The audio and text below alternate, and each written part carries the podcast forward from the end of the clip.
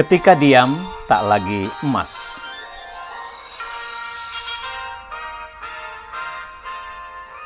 Susah payah, Quraisy menerobos lautan massa yang memadati Gelora Bung Karno. Tidak ada celah untuk bergerak. Belum lagi orang yang merangsek maju berebut menyelami. Quraisy menyerah. Ia khawatir dengan kesehatannya. Panitia bingung. Kehadiran Quraisy di panggung akan menjadi penutup konser dua jari relawan Jokowi JK. Polisi pun dipanggil. Quraisy dikawal menyibak barikade massa. Alih-alih menyingkir, pendukung Jokowi malah mendekat, berebut salaman dan berfoto selfie. Quraisy pun mundur lagi. Panitia tidak kalah akal. Pokoknya Quraisy harus manggung dan mendaras doa. Akhirnya, dengan menumpang mobil, Quraisy berhasil tiba di bibir panggung untuk menutup acara dengan memimpin massa berdoa. Quraisy sadar kehadirannya di acara salah satu kandidat akan menuai tudingan. Ia berpihak. Saya ulama, saya harus netral. Begitu Quraisy mengulang jawaban setiap ada ajakan untuk berada di salah satu kelompok. Seorang tokoh partai secara khusus datang menemuinya meminta untuk menyampaikan testimoni tentang seorang calon. Quraisy pun menolak. Menurutnya sah saja seorang ulama mubalik memihak atau dianugerahi jabatan karena memihak. Tapi baginya, ulama harus netral di depan umum. Kita sudah punya pengalaman bahwa ulama yang memihak satu partai ditinggalkan oleh yang lain. Jadi tidak akan ada itu testimoni atau dukungan, katanya tegas. Tetapi pendukung Jokowi JK pantang menyerah. Mereka masuk dengan beragam cara dan mengirim tokoh-tokoh yang dekat dengan Quraisy. Quraisy akhirnya bersedia dengan syarat doanya bersifat umum. Tidak mau menyakiti pihak lain, ia pun mengirim pesan ke kubu Prabowo Hatta. Isinya, ia siap diminta berdoa di acara pasangan capres tersebut. Tak bisa dipungkiri, ada ikatan emosional Quraisy dengan kubu Jokowi JK. Ia sudah bersahabat empat generasi dengan Yusuf Kala. Adiknya Alwi Shihab pun ada di deretan penyokong utama Jokowi. Tapi di kubu Prabowo pun ia memiliki ikatan emosional yang kental. Adik kandungnya Nizar Shihab dan iparnya Nur Hayati Asegaf merupakan kader Partai Demokrat yang saat itu memihak Prabowo.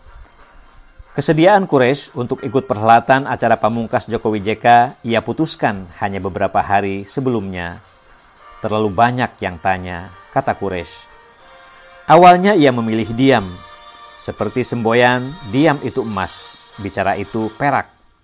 Tapi situasi yang berkembang membuat Quraisy merasa saat ini bicara lebih penting daripada diam. Jika tetap diam, maka yang diam adalah setan yang bisu katanya. Semakin dekat pemilihan, persaingan memang semakin ketat. Segala cara untuk menjatuhkan lawan dikeluarkan.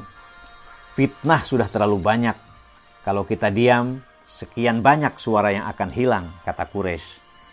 Ia lalu membulatkan tekad, sudah menjadi kewajibannya sebagai ulama yang memilih diam untuk tetap ikut menyampaikan petunjuk. Paling tidak dalam beturat Quraisy bersandar pada firman Allah surat Al-Baqarah ayat 283. Allah menilai berdosa siapa yang mengetahui sesuatu yang dibutuhkan tapi menyembunyikannya. Janganlah kamu menyembunyikan persaksian. Siapa yang menyembunyikannya, maka sesungguhnya hatinya telah berdosa.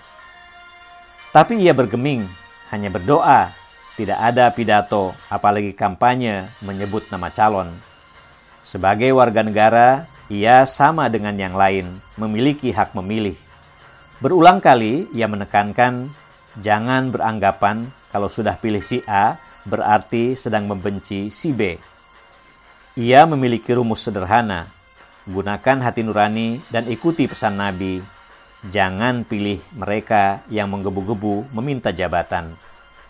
Meski sudah setuju untuk berdoa, ada saja yang ingin meminta lebih. Padahal bagi Quraisy sudah bertekad akan mendoakan kedua pasangan capres. Menurut Quraisy, mereka yang maju sebagai kandidat presiden pastilah orang besar. Apalagi pada saat itu, keduanya masih memiliki peluang yang setara untuk muncul sebagai pemenang. Sukses kepala negara merupakan sukses suatu bangsa, kata Quraisy. Ia juga mengutip pesan Ibnu Taimiyah bahwa berdoa untuk kepala negara dan calon kepala negara adalah salah satu doa yang sangat dianjurkan. Senja pun semakin temaram di Stadion GBK. Masa masih menyemut Quraisy kemudian melantunkan doa yang ia beri judul Doa untuk Negeri. Perkenalan Quraisy dengan Jokowi tidak ujung-ujung terjadi di ujung Pilpres. Ia sudah tahu rekam jejak Jokowi saat memimpin Solo. Saat akan menjadi gubernur Jakarta, mereka bertautan lagi. Ada tim promosi yang menginginkan Quraisy mendukung Jokowi untuk melawan isu agama. Tanpa sengaja, mereka bertemu di Tanah Suci Quraisy pun berbincang hangat dengan Jokowi seputar pencalonan gubernur.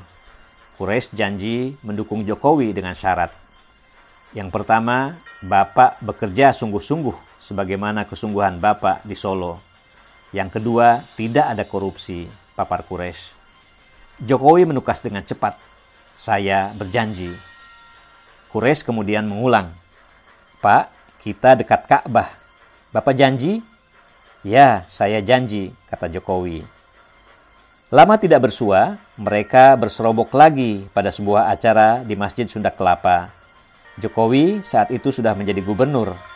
Di situ ada juga Yusuf Kala. Saat Jokowi keluar, Kures menyusuri langkahnya. Pak, masih ingat janjinya kan? Ya, saya ingat. Wartawan yang kala itu mengekori Jokowi ke mana pun, penasaran. Mereka mengejar Kures soal janji Jokowi, Quraisy menutup mulut rapat-rapat. Itu antara saya dengan Pak Jokowi. Saat Jokowi berniat beralih dari balai kota ke istana, tidak ada janji lagi. Tapi bagi Quraisy itu adalah janji pemimpin tanpa melihat posisi yang ia duduki. Tidak dinyana, Jokowi yang awalnya bukan siapa-siapa bisa memenangi pertarungan. Quraisy tidak pernah merasa berjasa, tidak juga menyesali jika dukungan itu keliru. Ia bilang, orang bijak berkata, alangkah banyaknya hari-hari di mana aku bercucuran air mata kesedihan. Tetapi setelah berlalu, aku menyesal mengapa ketika itu aku menangis. Tentu saja, sebaliknya pun demikian. Pengalaman masa lalu dan masa kini membuktikan banyak pemangku jabatan yang ketika menerimanya menduga bahwa jabatan itu nikmat atau anugerah tetapi berakhir dengan nikmat atau murka dan kebencian, kata Quraisy. Di malam-malam sepi, ia tetap berdoa untuk bangsa dan negara. Semoga Allah membimbing siapa pun yang terpilih, diluruskan bila mereka keliru, ditarik tangannya bila tergelincir, dan ditopang dalam segala kegiatannya demi kesejahteraan seluruh anak bangsa, pendukung maupun bukan. Amin.